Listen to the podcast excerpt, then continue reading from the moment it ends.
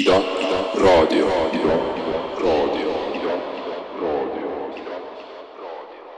tere kuulama Tasku Vikerkaart, mina olen Aro Velmet ja seekord on meil äh, stuudios kaks külalist, Birgit Poopuu ja Kairit Kall. mõlemad kirjutasid väga head artiklid äh, viimases Vikerkaares äh, ametiühingutest Eestis üleüldisemalt ja Tallinna Ülikoolis spetsiifilisemalt. Ja ametiühingutest, organiseerimise keerukustest täna räägimegi millised olid teie esimesed kokkupuuted ametiühingutega, kuidas äh, see, need institutsioonid teie ellu tungisid? Birgit, võib-olla sa alustad? põhimõtteliselt äh, minu teadlikkus kasvas tohutult, kui ma olin järel äh, doktorantuuris Aberystwythis, Walesis, UK-s. ma jõudsin sinna täpselt sellel hetkel, kui nendel oli selja taga üks äh, streikimise periood ja ma nägin, kuidas inimesed olid hästi äh, katki kurnatud äh,. aga samas nagu, mis oli tõsiselt äh, positiivne, oli see, et inimesed olid hästi teadlikud ja ma olin nagu nii üllatunud, kuidas äh, doktorandid olid nagu enda õppejõudude selja taga ja ma mäletan, et suht nagu mingi esimesel või teisel päeval minu mentor saatis mulle raporti, mis näitab ka nagu seda kohta, kus UK nagu enda asjadega on, eks ole, et ülikoolist viidi läbi uuring äh,, naised siis äh, põhimõtteliselt äh, teaduses ja siis seal olid nagu väga üllatavaid, samas ka nagu tuttavlikke sedastusi ja tulemusi. näiteks üks asi, mis ma siiamaani nagu, ma toon seda tihti erinevates vestlustes välja, et täheldati, et ülikoolis on rohkem professoreid nimega John kui naisprofessoreid. et kui ma Eestis tundsin seda kogu aeg Tartus ja Tallinnas, kuidas kelgiti äh, ületöötamisega ja kuidas räägiti kogu aeg, et kuidas saada edukaks ja paremaks, siis ühesõnaga see kontekst oli nagu selline drastiline äh, drastiline muutus, et, et ja seal ma nagu lähenes äh,, nägin ka seda veel, kuidas nad hästi loom, loominguliselt streikidele lähenesid, et nad kasutasid nagu kunstipõhiseid võtteid ka, näiteks nagu minu seal osakonnas need inimesed ise ühesõnaga tekitades seda küünarnuki tunnet, nad kogunesid kuskil pubis ja tikkisid nagu protesti sal, äh, neid taskurätikuid ja siis riputasid need ülikooli peale ülesse, eks ole et see oli nagu see koht, kus must ärkas nagu selline äh, ametiühingu aktivist, et ma nägin, et, et äh, selles mõttes, et mitte otseselt neid võite, aga ma nägin, et kuidas nad organiseerusid, mida nad korda saatsid ja kui oluline see on. Kusjuures minu esimene vist teadlik mälestus Birgitist on ühelt äh, Tallinna Ülikooli ametiühingu koosolekult, üldkoosolekult, kus Birgit oli vist värskelt äkki liikmeks astunud ja siis tal oli endisele juhatusele umbes nii, et, et miks te, ma ei tea, rohkem ei tee ja, ja midagi sellist. ja siis ta mingi hetk, noh, me jõuame ilmselt selle juurde, et kui raske on nagu teha midagi, et äh, siis ta, siis ta vabandas, ütles mulle, et ma saan nüüd aru, mida see tähendab. et kui ta ise juhatuses oli, aga, aga minu tee oli natuke teistsugune, aga mingid paralleelid on just selle välismaa kogemusega. et ma arvan, et oli aasta kaks tuhat üksteist, kui ma osalesin ühes Sotsmini tellitud ja, ja Centeri poolt läbi viidud kollektiivsete töösuhete projektis intervjueerijana. Ja siis ma tegin intervjuusid ametiühingu usaldusisikutega mitmetes Eesti ettevõtetes.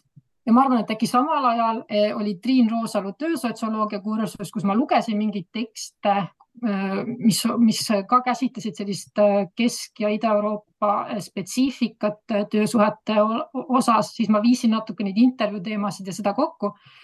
et ma vaatasin seda, et kuidas siis nagu tööandjate esindajad ühelt poolt näevad, et mis see ametiühingute roll Eestis üldse peaks olema ja teiselt poolt siis, et mida ametiühingute esindajad selle rollina näevad. Triin Roosalu oli mul retsensendiks ja siis ta põhimõtteliselt rääkis mu ära, et ma doktorantuuri eh, tuleksin ka. umbes ka sellise, ühe, üks põhjus oli selles, et ta ei viitsi enam olla ainuke inimene, kes töösuhteid uurib Eestis. et see on päris suur vastutus. ütleb ilmselt ka midagi selle kohta, et eh, Just. kui piiratud üldse ametiühingutega seotud küsimused Eestis on ja see on täpselt nii, et vahepeal tulevad mulle mingid pakkumised, et kas ma saaksin seda teha või teist teha ja ma üldse ei jaksa ja ma ei suuda välja mõelda, keda neile soovitada, et see on nagu väga, väga suur vastutus endiselt. aga äh, igatahes ma siis läksin doktorantuuri, hakkasin tegutsema ja siis ma integreerusin hästi kiiresti Kesk- ja Ida-Euroopa nagu ametiühingu uurijate niisugusesse ringkonda. Äh, et see hakkas mind mõjutama ja siis teiselt poolt ma läksin ka tänu äh, Triinile sain äh, Soome teadlastega kontakti Tivasküla ülikoolist, äh, kus oli näiteks professor Nathan Lilli, kes on üldse Ameerikast, et nad täpselt samamoodi ametiühingute organiseerimisega ise tegelenud doktorandina Cornelli ülikoolis näiteks. ühesõnaga, kui ma läksin sinna Soome, siis ma sain ka nagu aru, et kui Eestis minu, minu käest tol ajal ikkagi küsiti mitmeid kordi, et miks sa seda teemat uurid, nagu ma oleks mingi veidrik siis äh, seal ma sain aru, et see on ikkagi nagu täiesti normaalne asi, mida uurida kõik äh, ja üks äh, hästi huvitav selline ärkamismoment oli mul see ka, et kui seal oli täiesti normaalne jah, et inimesed on ametiühingus ja, ja näiteks, et kui sa oled ka ametiühingute uurija, sa võid ka teha ametiühingu aktivismi samal ajal. noh, Eestis meil, ma ei tea, sotsioloogias on olnud näiteks see, et kohati on selline arusaam, et hoiame aktivismi ja teadustöö lahu, lahus ja sellised aspektid ka veel. Te mõlemad olete veetnud üksjagu aega riikides, kus äh, ametiühingusse kuulumine on, on normaalne ja kus on väga pikk ametiühingute traditsioon ja te olete ka natukene viidanud sellele, et see äh, kogemus nendes riikides oli ikkagi nagu hoopis teistsugune, et kuidas see äh, igapäevaelus väljendub, et, et Kairit, võib-olla sa äh, alustad? kui sa Soome ülikooli tööle lähed või kuskile teise ettevõttesse ka, siis tõenäoliselt on seal eh, kollektiivleping, mis on sektori tasandil, kus on palgad, töötingimused ja kõik asjad väga detailselt kokku lepitud, kõigile ülikoolidele kohane, kohanevad. Soomes on nüüd ametiühingu kultuur ka pigem selline, et väga palju töötajaid ei mobiliseerita ega aktiveerita, et mind keegi nagu ära rääkima ei tulnud alguses võib-olla eeldatakse nagu inimene inertsist nagu kohe ise astub ametiühingusse pigem, et see on nagu niisugune loomulik. võib-olla UK-s on natuke teistmoodi. no äh, Suurbritannia ametiühingud on natuke sellised ähm, äh, võitluslikumad, eks ju, et äh, sa just rääkisid, et kuidas sina jõudsid sinna pärast suurt streiki, ma pakun, et see oli siis see kaks tuhat kaheksateist, kaks tuhat üheksateist streik, jah, ma olin siis ja ka ähm, Suurbritannias samal ajal ja see tõesti oli väga inspireeriv ja muidugi praegu äh, Suurbritannia teadlased äh, streigivad taaskord põhimõtteliselt samadel põhjustel äh, pensionite, pensioniprogrammi üle. võib-olla siis räägi sellest äh, organiseerimisest ja, ja, ja sellest võitluslikumast poolest, et äh, kuidas see paistab Eestiga võrreldes? ütleme niimoodi, et äh, seal on see äh, infrastruktuur on juba nii paigas et äh, selles mõttes, et nendel on, millele toetuda, et see on nagu olemas, et nad sellepärast ei pea muretsema ja mulle tundub, et see sarnane asi on, et seal ei ole vaja kedagi värvata, see on nagu üsna loomulikult tuleb, et vähemalt see, mis ma nägin äh, doktorantide kogemusest, et äh, et kuidagi sa tuled ülikooli ja siis nagu ametiühingu avaldus on nagu hästi loomulik, et kui ma Eestisse tagasi tulin kaks tuhat kakskümmend, siis see oli mu esimene liigutus, et ma allkirjastasin töölepingu ja esitasin avalduse, et ametiühingu liikmeks astuda ja arvasin, et see on suhteliselt sarnane äh, lähenemine, aga ei ole eriti. ja see valmidus erinevaid aktsioone teha, vot see on nagu hoopis teine. Eesti ametiühingute kontekstis me saame rääkida sõnadega nagu avalik koosolek, meeleavaldus, toetusavaldus, äh, selles mõttes me kirjutame mingeid artikleid, sotsiaalne partnerlus, sotsiaalne dialoog, aga seal nagu selles mõttes äh, streikimine ja nüüd juba selle uue äh, massilise selle streigiga, mis praegu toimub, nagu sõnad nagu äh, hindamise boikoteerimine äh,, et need on nagu täiesti tavaleksikon, et selles mõttes, et nad on nagu nii kaugele tulnud, et see on täiesti, täiesti normaalne. aga põhimõtteliselt äh, see sõnavara, et kust meil tuleb see sõnavara, et üldse hakata mõtlema aktivismist ja seal on nagu hästi tavaline veel see ka, et vaata, mis Kairit tõi välja, et Eestis nagu äh, vaadatakse Äh, võib-olla natukene viltu, kui sa lähed nagu nii-öelda tänavale, noh, me streikima ei lähe, aga jälle meeleavaldusele, avalikule koosolekule, sest ma mäletan, et äh, me üritasime Tallinna Ülikool, äh, ülikoolis ametiühinguna tekitada sellist traditsiooni, et me nagu loome rohkem küünarnuki tunnet ja lähme nagu teiste ametiühingute üritustele ka. Ja siis, kui meile kirjutati, päästjatel toimus meeleavaldus Riigikogu ees ja ma just valmistasin ennast nagu sinna minema, siis mul tuli üks kolleeg koridoris vastu ja ütles, et Birgit, et mina küll leian, et sina akadeemikuna ei tohiks niimoodi tänaval käia. Et selles mõttes, et ühesõnaga see kontseptsioon, et vaata, ma võin olla nagu sidekriipsuga akadeemik, aktivist, see ei ole nagu Eestis selline iseenesestmõistetav, aga äh, minu nagu see äh, Suurbritannia kogemus näitas, et seal see tuleb nagu üsna kergesti ja, et seda võiks ju raamistada täpselt vastupidi, et, et teadlastel, kellel on äh, Äh, väga spetsiifilised tööriistad äh, nägemaks ühiskondlike protsesside toimimist, võiksid siis ju kasutada neid ka nendes ühiskondlikes protsessides kaasarääkimiseks, et see on ju ekspertiis, mida kõikidel inimestel naljalt ei ole ja aga siin on formaatide küsimus, eks ju, sest mulle kohe öeldi, et äh, minu arust, Birgit, selle asemel, et sa tänavale lähed, sa võiksid artikli kirjutada, et nagu see formaat. mine Urmas Vaino saatesse et äh, mäletad, Birgit Päästjad, meie, meie omale küll tulid, ma ei tea, kas sa sellel olid, üksteise toetamine just nagu sektorite ülene, et see on Eestis ka noh, ei ole väga-väga äh, traditsiooni, aga, aga kohati see juhtub, et see on hästi nagu selline tore, eriti kui nagu nii-öelda tööli, klassikalised töölisklassi ametiühingud ja siis sellised nagu akadeemilised koos, koostööd teevad. Ja siin ma tahtsin tegelikult jätkata seda Birgiti mõtet, et kui, kui teistsugune kultuurikontekst on, et kui sa Suurbritannias lähed näiteks inimestega rääkima, eks ole, lähed rääkima nendega ametiühingust, siis neil on, nad on üsna kindlalt kas ametiühingu pooldajad või vastased, et mitte, et kõik inimesed Soomes või, või Suurbritannias nagu ametiühinguid pooldavad, absoluutselt mitte, aga neil on ikkagi nagu selgem arusaam, mis ametiühing on. kui sa Eestis lähed inimesega rääkima siis. Äh, palju küsimärke.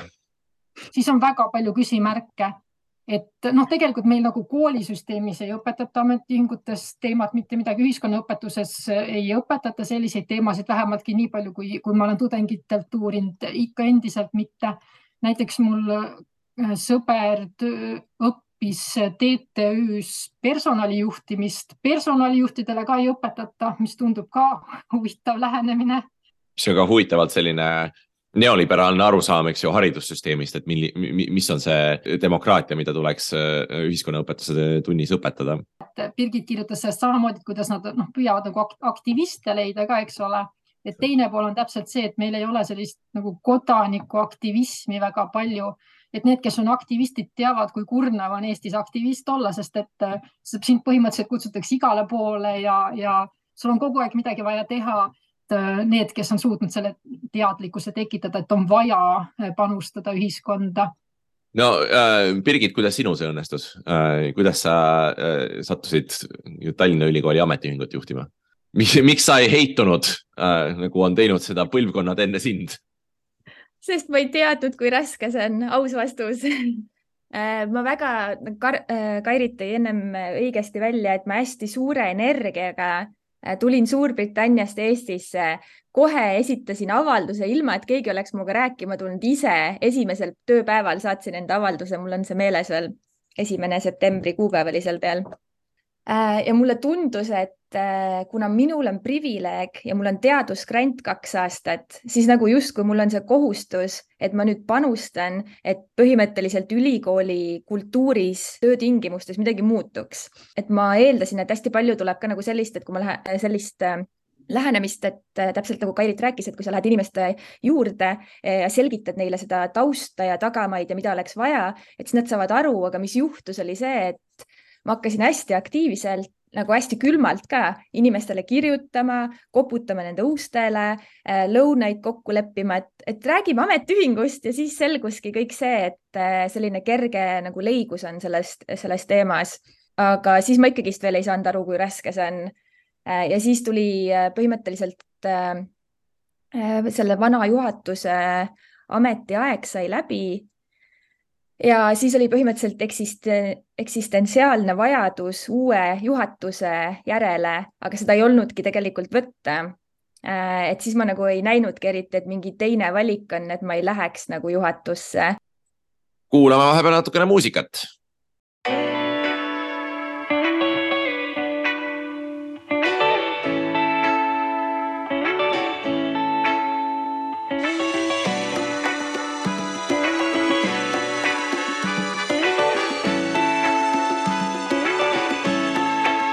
I woke up feeling great. The birds are in the trees. They're singing me a melody. La la la la, fuck the police. My head is on straight. My heart is in peace. My soul is incredibly ready to change history. It's a good day to fight the system. To fight the system.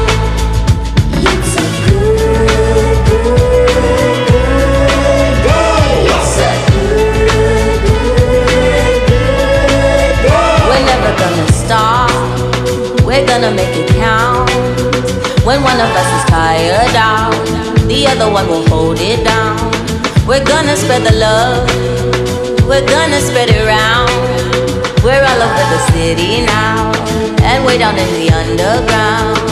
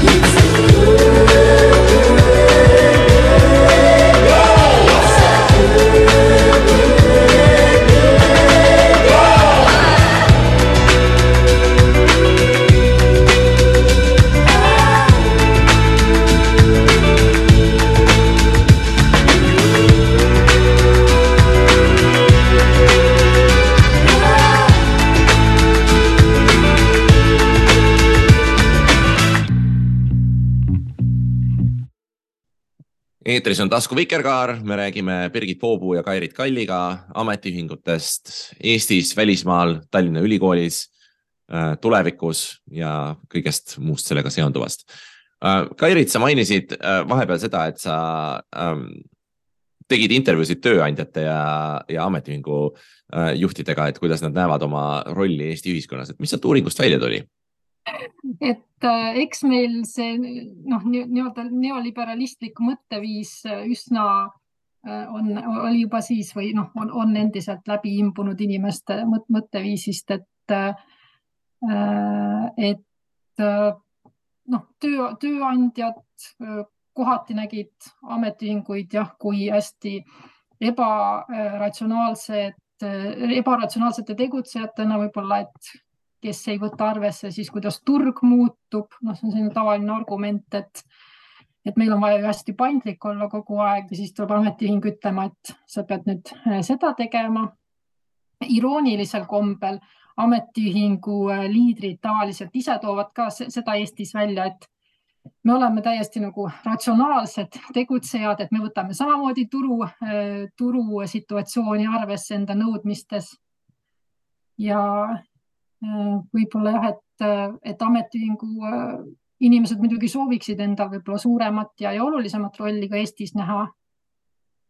aga, aga jah, tööandjate poolt seda, seda tuge ilmselt ei tule, et lihtsalt jääda ootama, et keegi sooviks et hakkame nüüd looma sellist äh, nii-öelda korporatiivset ühiskonnakorraldust nagu võib-olla Põhjamaades siis praegu veel kõige rohkem säilinud on, kus, kus saavutataksegi, noh, töösuhted luuaksegi kompromisside kaudu, ühiskondlikud poliitikad ka luuakse kompromisside kaudu. et, et ilmselt äh, seda nagu oodata ei ole. no ametiühingud on Eestis äh, väga nõrgad kogu nagu maailma mastaabis, et kui äh, siinsamas Põhjamaades, hoolimata sellest, et ka Põhjamaades on ametiühingutesse kuulumine viimastel aastakümnetel päris palju vähenenud, siis seal ikkagi ähm, valdav osa töötajaid kuulub ametiühingusse ja Eestis on see number äh, selline ühekohaline protsent.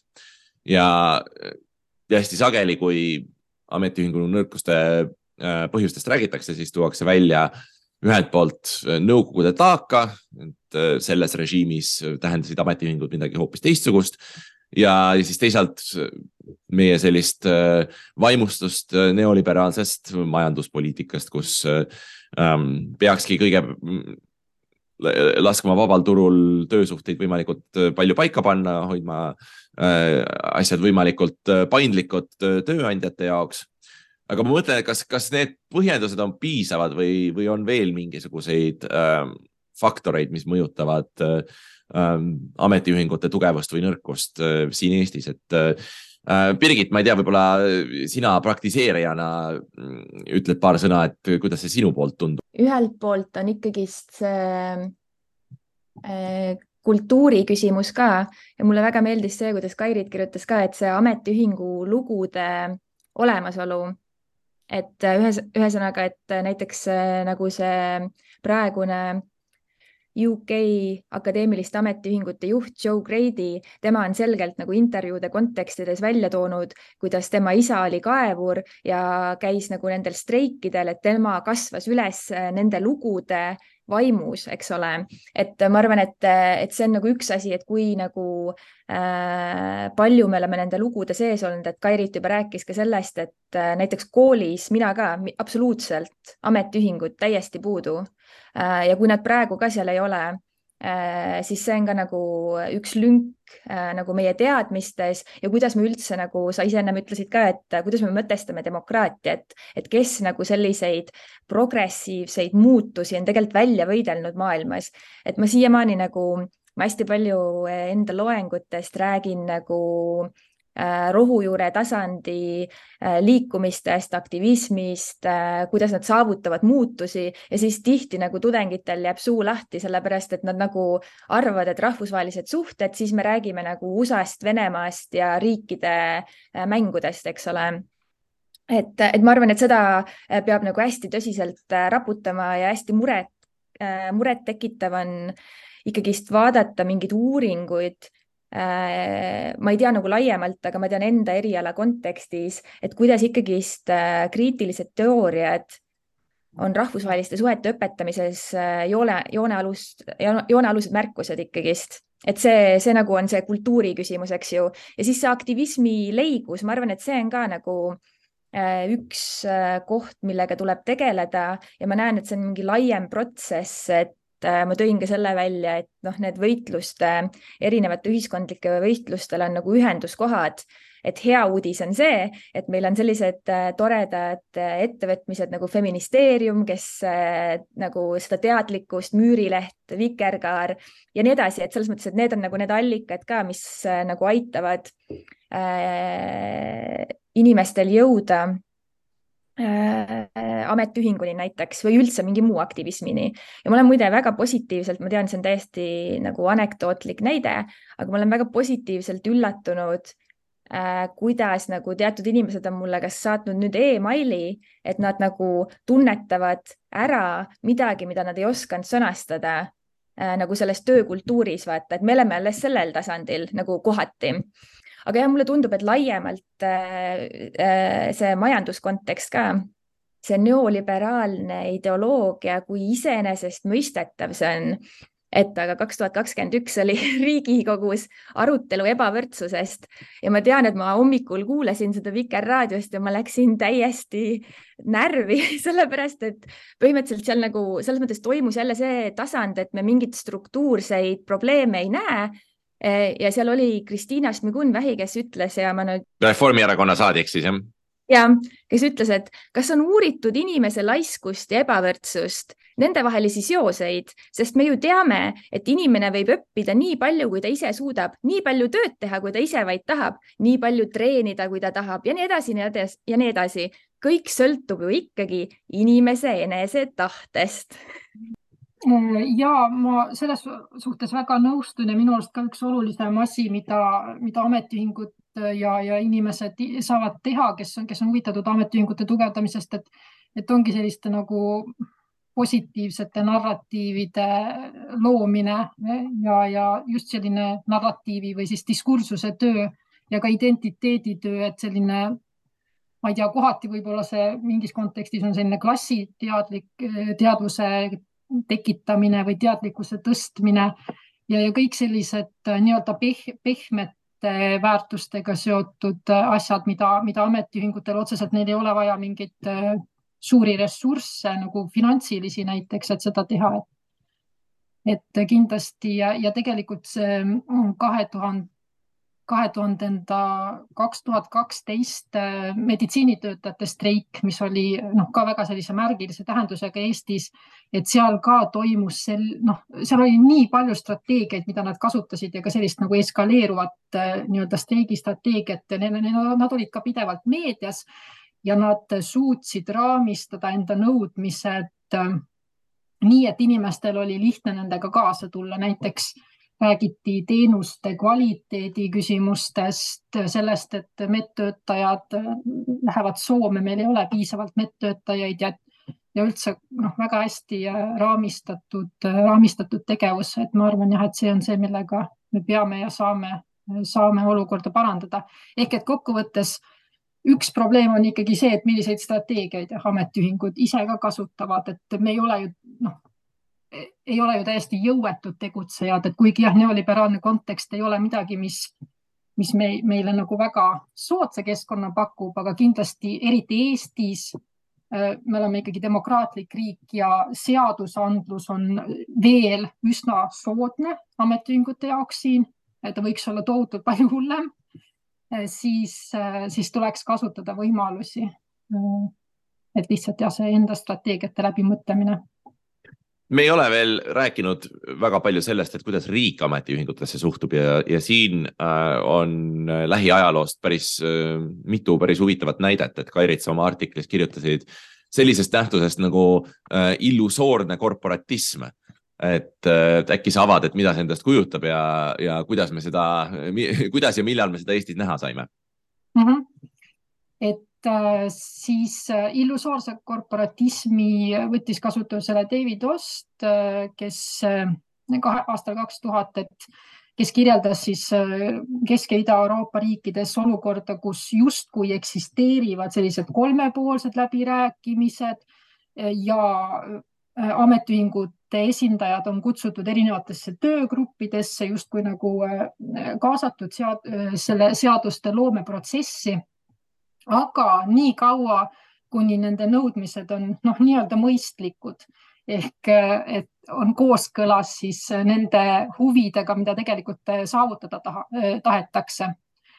ja, ja Magdalena Bernatsiak on tegelikult ka kasutanud sellist terminit nagu PR korporatism või PR korporatism eesti keeles siis äkki, et kus kaasatakse sellepärast, et jätta head muljet, et kaasamine on toimunud noh, ja siis saab ka öelda, et see on ju kompromiss, et te peaksite sellega rahul olema. tegelikult Aga... vist kehtib ka paljude teiste sotsiaalpartnerite puhul Eesti kaasamispraktikas. ma arvan küll, et, et see on noh, laiem fenomen kui siin ainult töösuhete mm, alane või et ametiühingute kaasamine.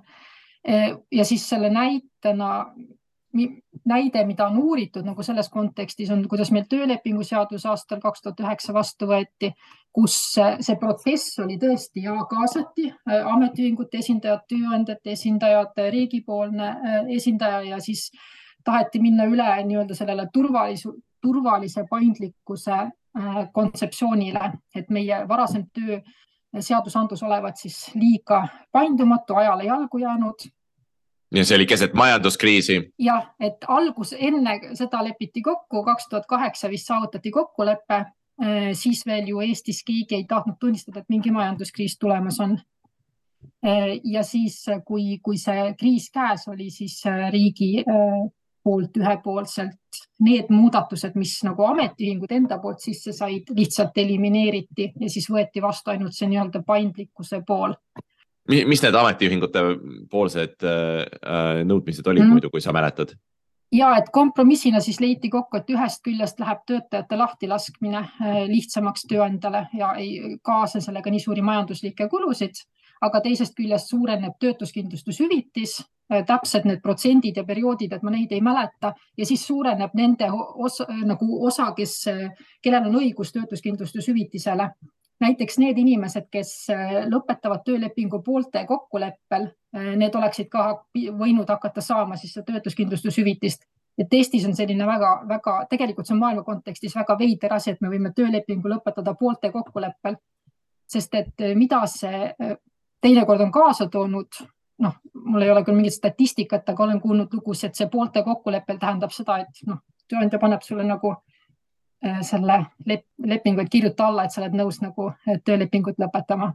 Aga äh, nagu sa ennem mainisid, siis äh, mõned sektorid saavad selle organiseerimisega ikkagi täitsa nagu hakkama, et arstid on sellega hakkama saanud, õpetajatel on olnud edukad streigid üsna mitu paar korda taasiseseisvumisperioodi jooksul ja, ja need on ka need sektorid, mis praegu ähvardavad täiesti tõsiseltvõetavate streikidega, et äh, mida nad siis õigesti teevad? Äh, noh, arstid suutsid luua äh, ühiskonnaga hästi haakuvaid narratiive, võita endale toetust, aga, aga see sisemine organiseerumine oli ju olemas neil juba enne seda. Ja te, mitte ainult arstid, aga nad, neil oli, neil on kolm sellist suuremat liitu, on tervishoiutöötajad, arstid, kuidas see kolmas liit, igatahes nad tegid nagu hästi koostööd ka omavahel ja ma arvan, et äh, ma ei ole ise uurinud, kuidas nemad on suutnud saavutada sellise kõrge liikmelisuse nagu ajalooliselt, aga noh, see on juba nagu traditsiooniks kujunenud. Ehm, mis on ilmselt äh, üks asi, mis on neid äh, aidanud, on see, et neil on palju enam selline mm, ühtekuuluvustunne.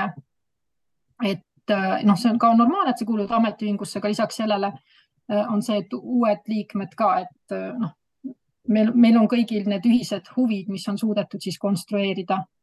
et äh, kui me nüüd võrdleme näiteks akadeemiaga, siis meil on kuidagi selline äh,, kuidagi selline konkurentsi äh, narratiiv võib-olla pigem, pigem üleval, et kui ma ei tea, Tartu Ülikool saab mingid grandid versus meie või, või siis ühest instituudist keegi saab või, või su kolleeg saab või sina saad, et, hästi selline konkurentsiolukord, siis võtame näiteks meditsiini, kus hästi palju meeskonnatööd, on tiimitööd. et, et sellist konkurentsi aspekti ei ole nii palju, et noh, see ühest küljest on nagu praktiline töökorraldus selline, aga teisest küljest on ikkagi see ka jälle ja jälle, mille konstrueerimisega tuleb tegeleda, et iseenesest võib olla nii üht kui teistpidi. ja, ja siis miks nad nii palju saavutavad? ega nad ei ole ka niimoodi, et nad ütlevad sellele ütle ministeeriumile ja tööandjatele, et, et lähme nüüd laua taha ja sõlmime selle lepingu, kus meil palgad tõusevad ja tingimused paranevad. et tegelikult nad ju kogu aeg ka survestavad erinevate viisidega ja noh, siis, siis selle kaudu äh, saavutavad, aga muidugi jah, see, et neil on hästi palju liikmeid, annab, annab olulise eelise. üks viis, kuidas äh kui Eestis on ametiühingud nõrgad, kuidas nad saaksid oma võimekust kasvatada, on teha piiriülest koostööd, eks ju, noh eeskätt Põhjamaadega, kuna nad on siin meil hästi lähedal ja nende ametiühingute traditsioon on, on pikk ja ressursse on neil palju, et äh, Birgit, kui palju Tallinna Ülikooli ametiühing näiteks oma põhjapoolsete kolleegidega suhtleb või kui palju te sealt mingeid kogemusi või äh,, või strateegiaid saate? või raha, ma ei tea, äkki saate raha? Ei, ei saa, ei saa raha ja praegu on nagu kogemuste vahetamine ka põhimõtteliselt ei ole väga toimunud. Äh, et äh, meil on pigem nagu äh, kogu aeg fookuses see igapäeva probleemide, igapäevaselt tõstatuvad asjade punktid põhimõtteliselt et äh, see võiks olla selles mõttes, et see, et kui ma lugesin äh, Kairiti doktoritööd, ja, ja ta mõtestas, et kui oluline äh, see noh, põhimõtteliselt hargmaine koostöö on, siis, siis ma saan sellest täiesti aru, aga ja see nõuab nagu äh, mingil määral ka jõudmist sinna punkti, äh, kus sul on seda ressurssi, sest et sa pead need hädavajalikud otsused tegema, et mis meil fookuses on. Äh, ja meil on nagu ülikoolisisene võitlus praegu fookuses ja siis samas ka sektori tasandi, et see kolmanda, see koostöö võrgustiku kasvatamine on jah, nagu selles mõttes praegu fookusest väljas no, äh, Kairit, kas see ähm, Birgiti vastus on selline pigem tüüpiline ametiühingute puhul või kuidas sulle tundub?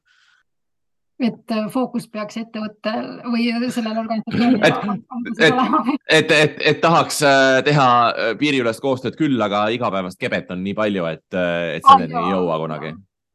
ja absoluutselt, et noh, äh, üks selline strateegia, noh, ma ei tea, kas tööandjad seda teadlikult nagu teevad, aga üks asi, mis tapab igasuguse tegevuse ära on jah, kui sul on liiga palju äh, igapäeva asju, millega vaja kogu aeg tegeleda.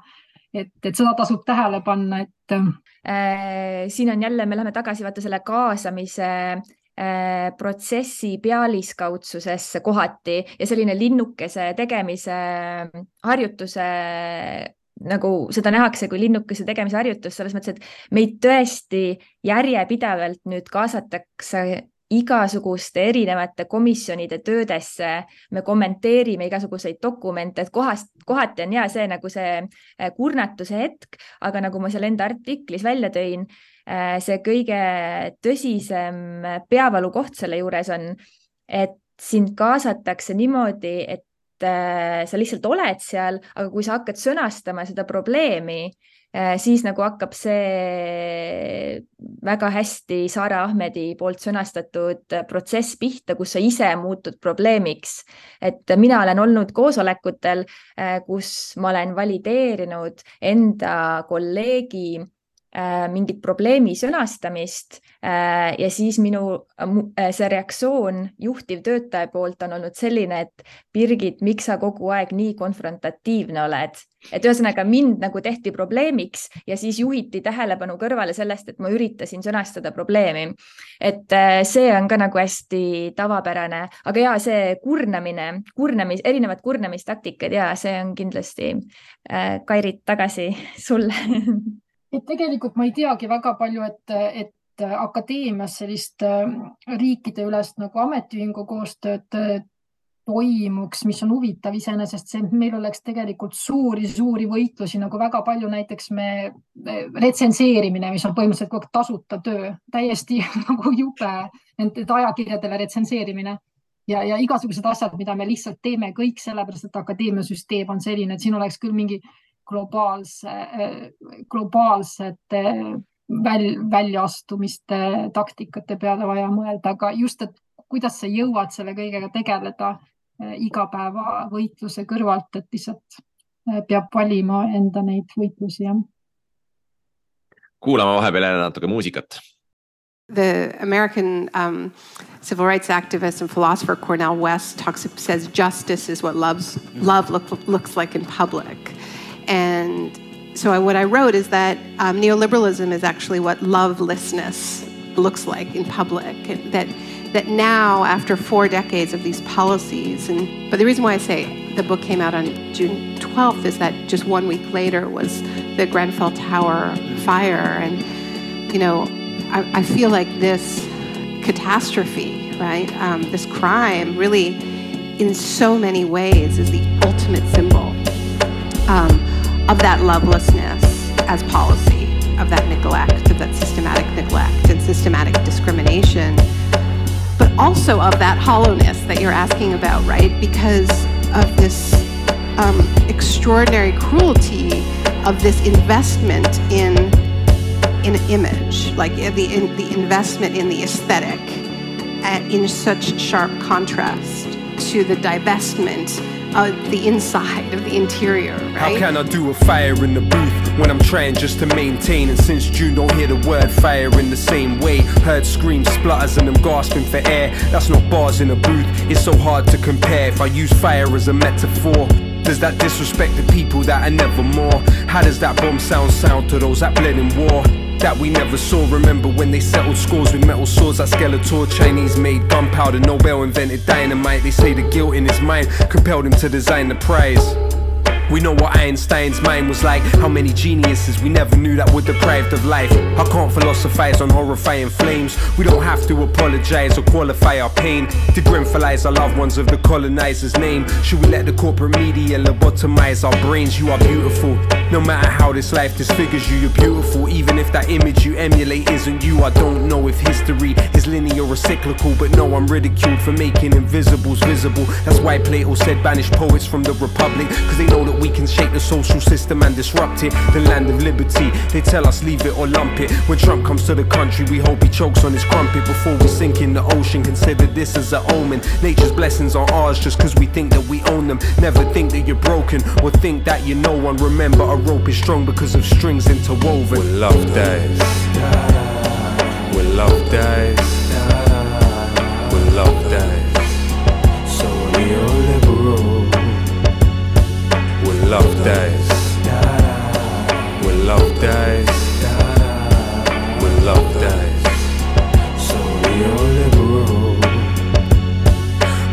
love you more if you mock the people that you're from? Self orientalize and believe that you belong. Overcompensate and propagate the image of the imbecile, not uninvolved, even though you're further from the killing field. Solace in the fact there's always cracks in the monolith. Practically lobbing bricks like Asterix and Obelix. Distracted with gossip is twisted news and interludes. Adverse, no hidden clues to listen to is pitiful. Rosa Luxemburg gave us the simple truth. You won't feel your chains till the day you begin to move. He photographed the corpse and they flung him in the cage. Those that signed off on the cladding are still receiving their wage. Helicopters hover close, pictures of the front page. Tried to speak, all I really felt deep was numb rage. How could they see this pain at such a young age? Leaning out the window, screaming for help, but none came. If it bleeds, it leads. The trauma tourists, they gravitate. Shock doctrine in effect, disaster capitalists salivate. Privatization, deregulation, and austerity. Zero hour contracts, exploitation, and precarity. Adults didn't make it, children to be.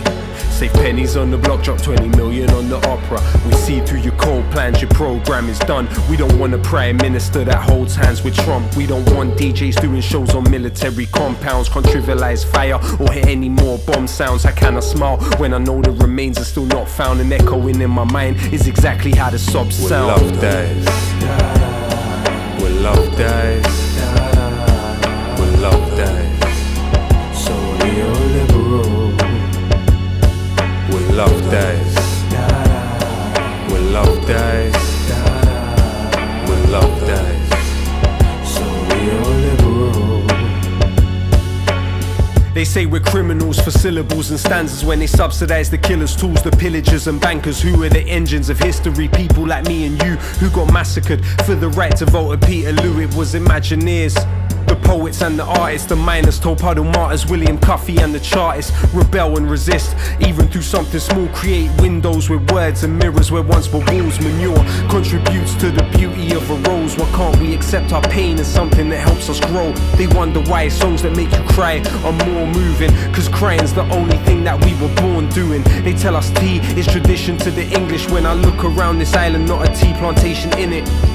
Earl Grey gave 20 million to the slave traders, multipolar world. Now the Indians are space raiders. Freedom to be even or merely alienate labor. Freedom for fossil fuelers to desecrate and invade nature. Albert was an immigrant. Philip was an immigrant. Were the Celts, Normans, and the Anglo Saxons English then? The words sugar, cotton, and rice come from Arabic. Now we import democracy to civilize the Saracens. Analyzing planets when this backwater was wilderness. Seems we're still obsessed with immortality like Gilgamesh. Pessimism of intellect, optimism of will. Wear the skin of their victims is syndrome Buffalo Bill. In times of permanent war, there's always someone to kill. But when life and death are virtual, almost nothing is real. When love dies, when love dies, when love dies, so neoliberal. When love dies, when love dies,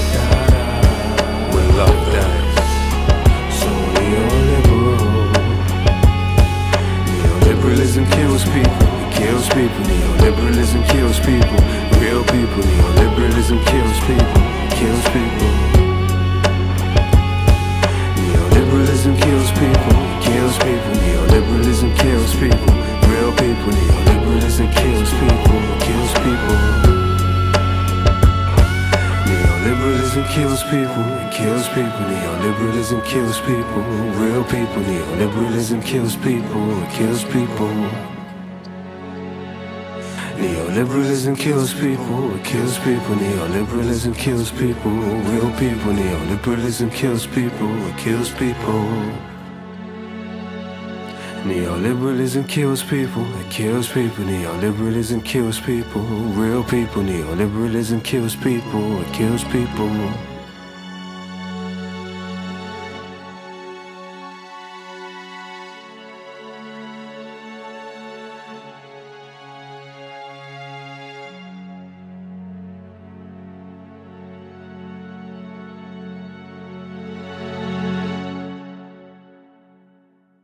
Jätkab tasku Vikerkaar, vestleme Kairit Kalli ja Birgit Poobuga ametiühingutest ja kõigest sellega seonduvast. Birgit, mis asi on neoliberaalne vampiirülikool? kõlab hirmutavalt.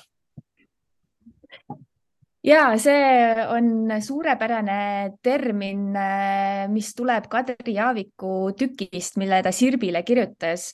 ja põhimõtteliselt see toobki välja selle, kuidas äh, ülikool seisab püsti äh, äh, üsna palju äh, tasus, tasustamata töö najal, et äh, selles mõttes, et äh, ülikooli töötajate see põhi äh, aur läheb selle peale, et äh, põhimõtteliselt kuidagi ära õpetada kõiki neid kursusi, mis sul on. minu tudengid siiamaani kogu aeg imestavad, et kas sul ei ole mingit äh, teadusassistenti või kedagi, ma ütlen, mitte kedagi ei ole, mitte kedagi ei ole, et talle juurde võtta, et äh, siis nad istuvad ja mõtlevad, et ah, sa päriselt äh, jaanuaris hindasid kuuskümmend esseed üksi ja et äh, ühesõnaga, see on see üks, üks külg, mis tähendab, et nagu Kadri hästi välja joonistab ka, et äh, teadustööd tehakse nagu nädalavahetuste, öötundide ja ma ei tea, mingite teiste asjade põhimõtteliselt elu arvelt, eks ole, ühelt poolt.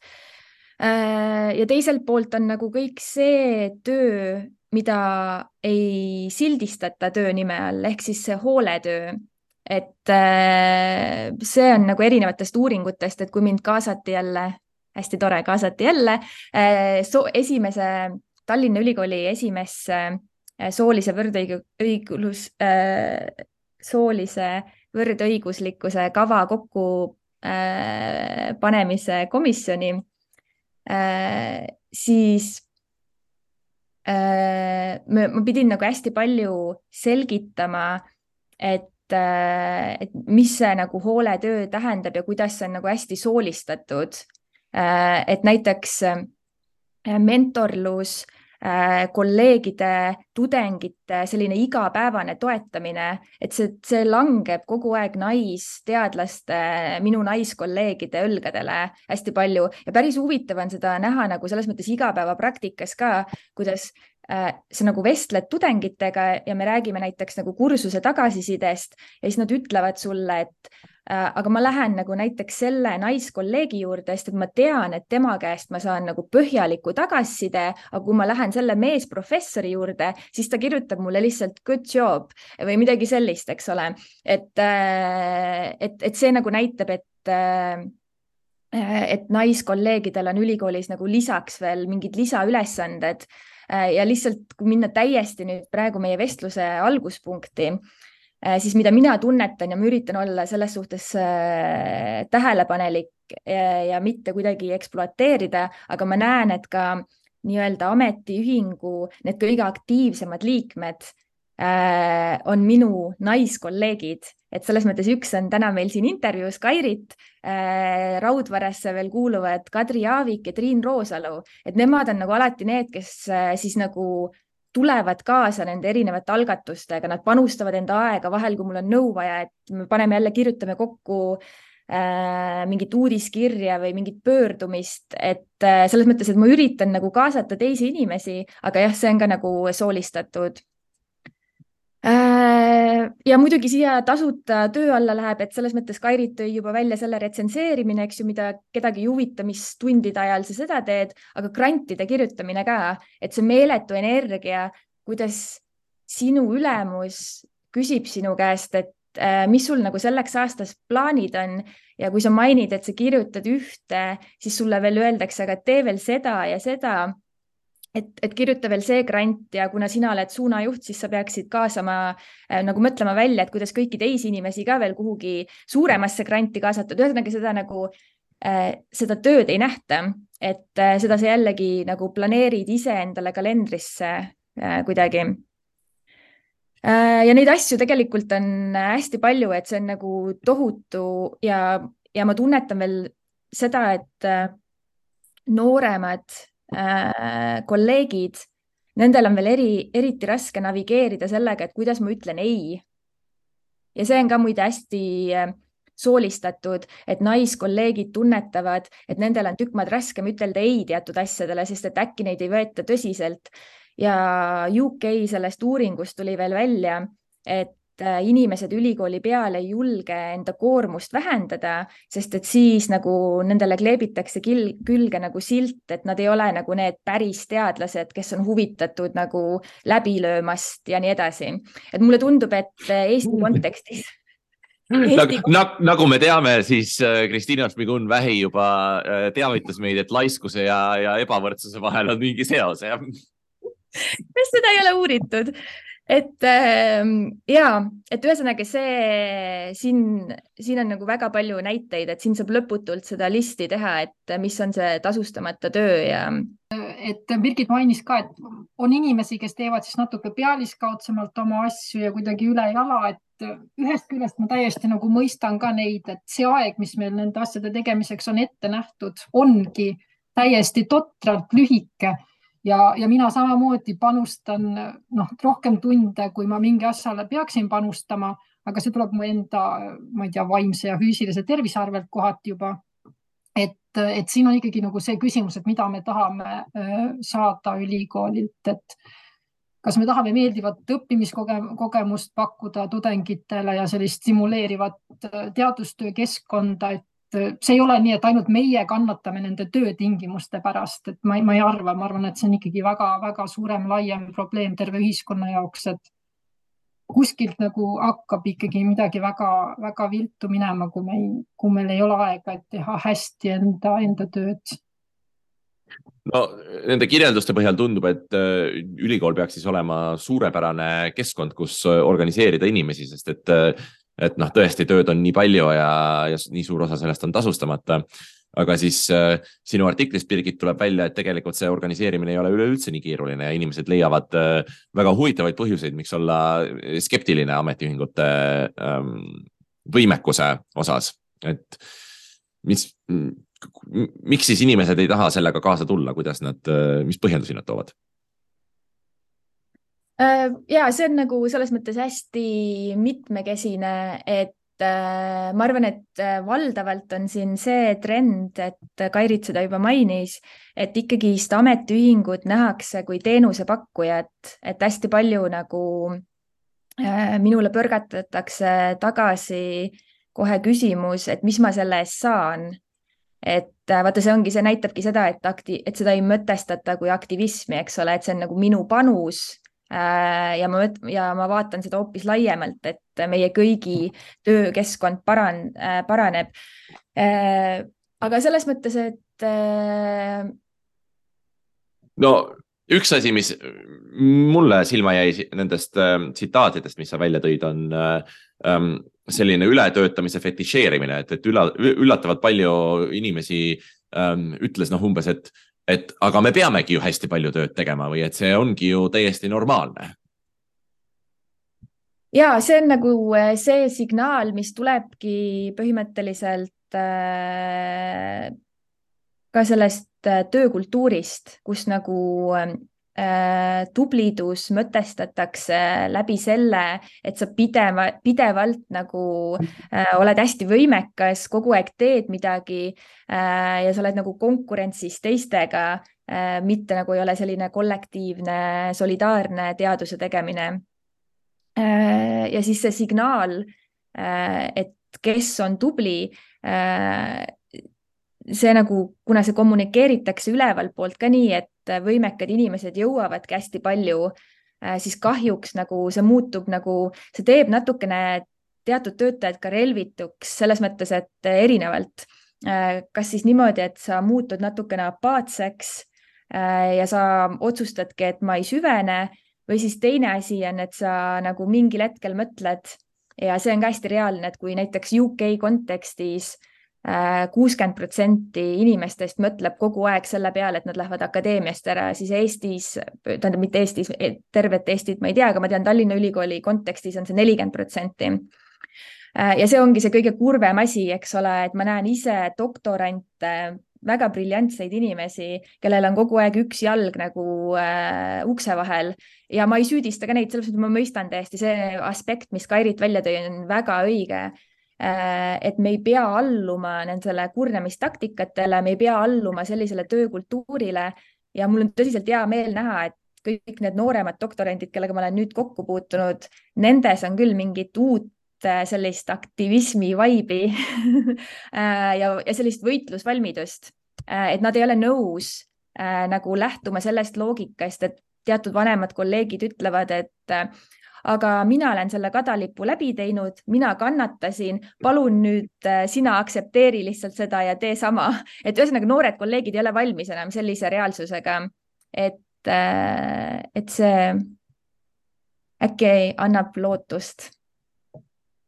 Mulle tundub ka, et natuke piinlik on äh, isegi seda nagu neid selliseid tsitaate, mõttekäike kuulata, et minu arust ka neil juba meievanuste ja kindlasti noorematega ei lähe see, see hästi peale, et me, meil on reaalselt inimesed ära läinud siin viimase aasta jooksul, kuna nad ei ole enam näinud mingit mõtet sellise raha eest, sellise koormusega nii vastutusrikast tööd teha, et minu arust on ikkagi olukord väga kriitiliseks läinud. mina näiteks vähendasin enda töökoormuse null koma kaheksa peale, mitte selleks, et nagu äh, neli, nagu ne, sellist ideaalset neljapäeva töönädalast teha või töönädalat teha, vaid selleks, et me saaksime äkki nädalavahetustel nagu puhata, et lihtsalt see on ebanormaalselt suur koormus.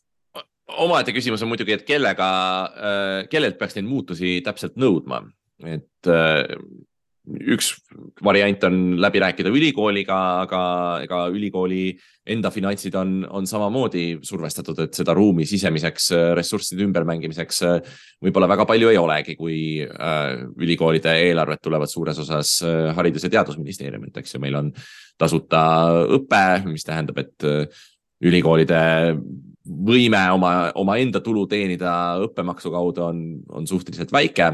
et äh, Kairit, kuidas sulle tundub, et äh, kuhu peaks see ähm, see surveteravik olema siis täpselt suunatud, et kas ülikoolile või peaks tegema ülikoolide ülest koostööd ja suunama selle HTM-ile või, või veel kuidagi laiemalt?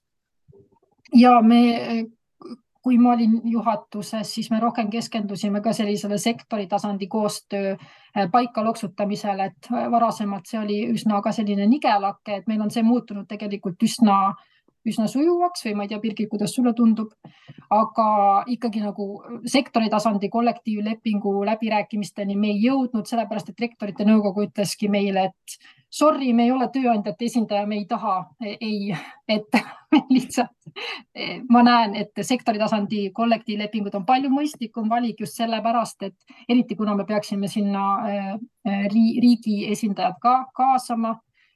Äh, sest jah, rahastus tuleb suures osas sealt.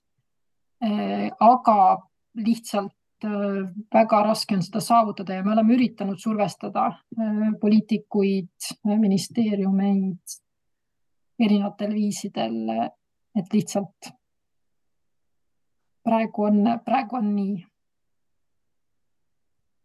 Äh, Birgit, mis seisus teil äh, läbirääkimised on, ma saan aru, et te olete nüüd äh, äh, Tallinna Ülikooli juhtkonnaga üsna pikalt ühe laua taga istunud. mida, mida sa saad sealt avaldada laiemale avalikkusele? Äh, ma veel ütlen sellele äh, eelmisele teemale nii palju kommentaariks, et äh, ma olen Kairitiga hästi nõus, et see on sektori tasandi koostöö on hästi oluline ja praegune Tallinna Ülikooli Ametiühingu juhatus üritab paralleelselt nagu mitmel rindel toimetada, et me üritame nagu sektori tasandi koostööd hoida ja samas nagu samal ajal ka ülikooli sise, sisemist elu raputada aga tegelikult see kollektiivlepingu läbirääkimiste meil on ainult esimene kohtumine olnud, et äh, aga me oleme nagu äh, põhjalikult valmistunud äh,. Kairit on ka meil tiimis, meil on oma jurist äh, ja eks me ikka loodame, et selles mõttes, et me saame sisukama äh, lepingu, kui Tartu Ülikool võitles välja et sest, et me ei taha ainult nagu hüvedest rääkida, et meie ikkagist tahaks nagu, et midagi äh, raputavamat muutuks äh, töökoormuste osas ja palga osas, et need on nagu meie kaks äh, sellist äh, väga suurt äh, punast joont. ma ütlen nüüd selle välja äh, ja meil järgmine kohtumine on märtsi keskpaigas.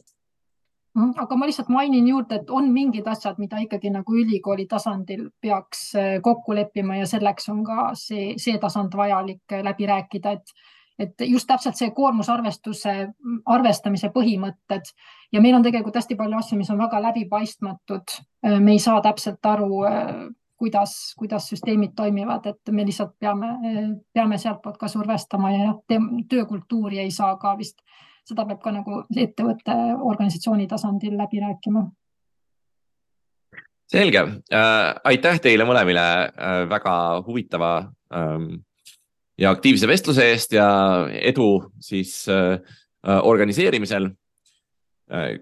kõik raadiokuulajad kuulasid äh, tasku Vikerkaart ja kuulavad järgmine kuu edasi äh,, siis juba uued teemad, uued külalised äh,. aitäh, nägemist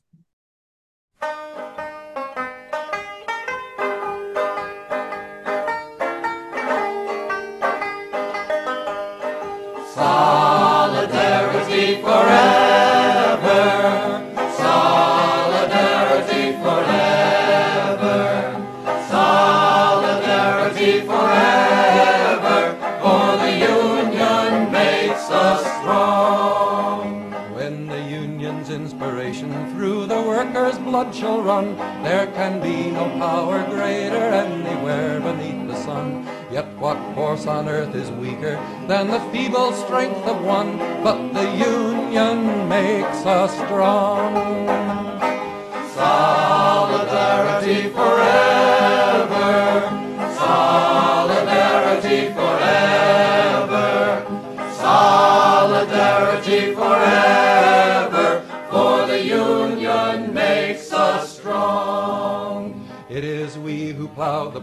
Prairies, built the cities where they trade, dug the mines and built the workshops, endless miles of railroad laid. Now we stand outcast and starving mid the wonders we have made, but the union makes us strong. Solidarity forever.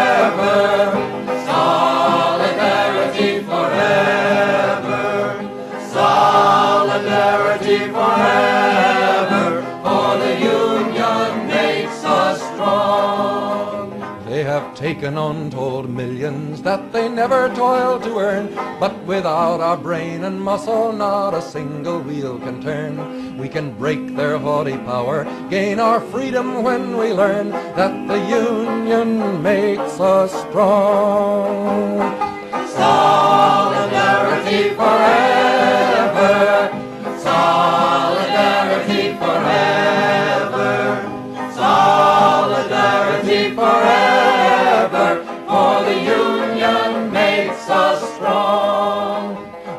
our hands is placed a power greater than their hoarded gold, greater than the might of atoms, magnified a thousandfold. We can bring to birth a new world from the ashes of the old, for the union makes us strong. Solidarity forever.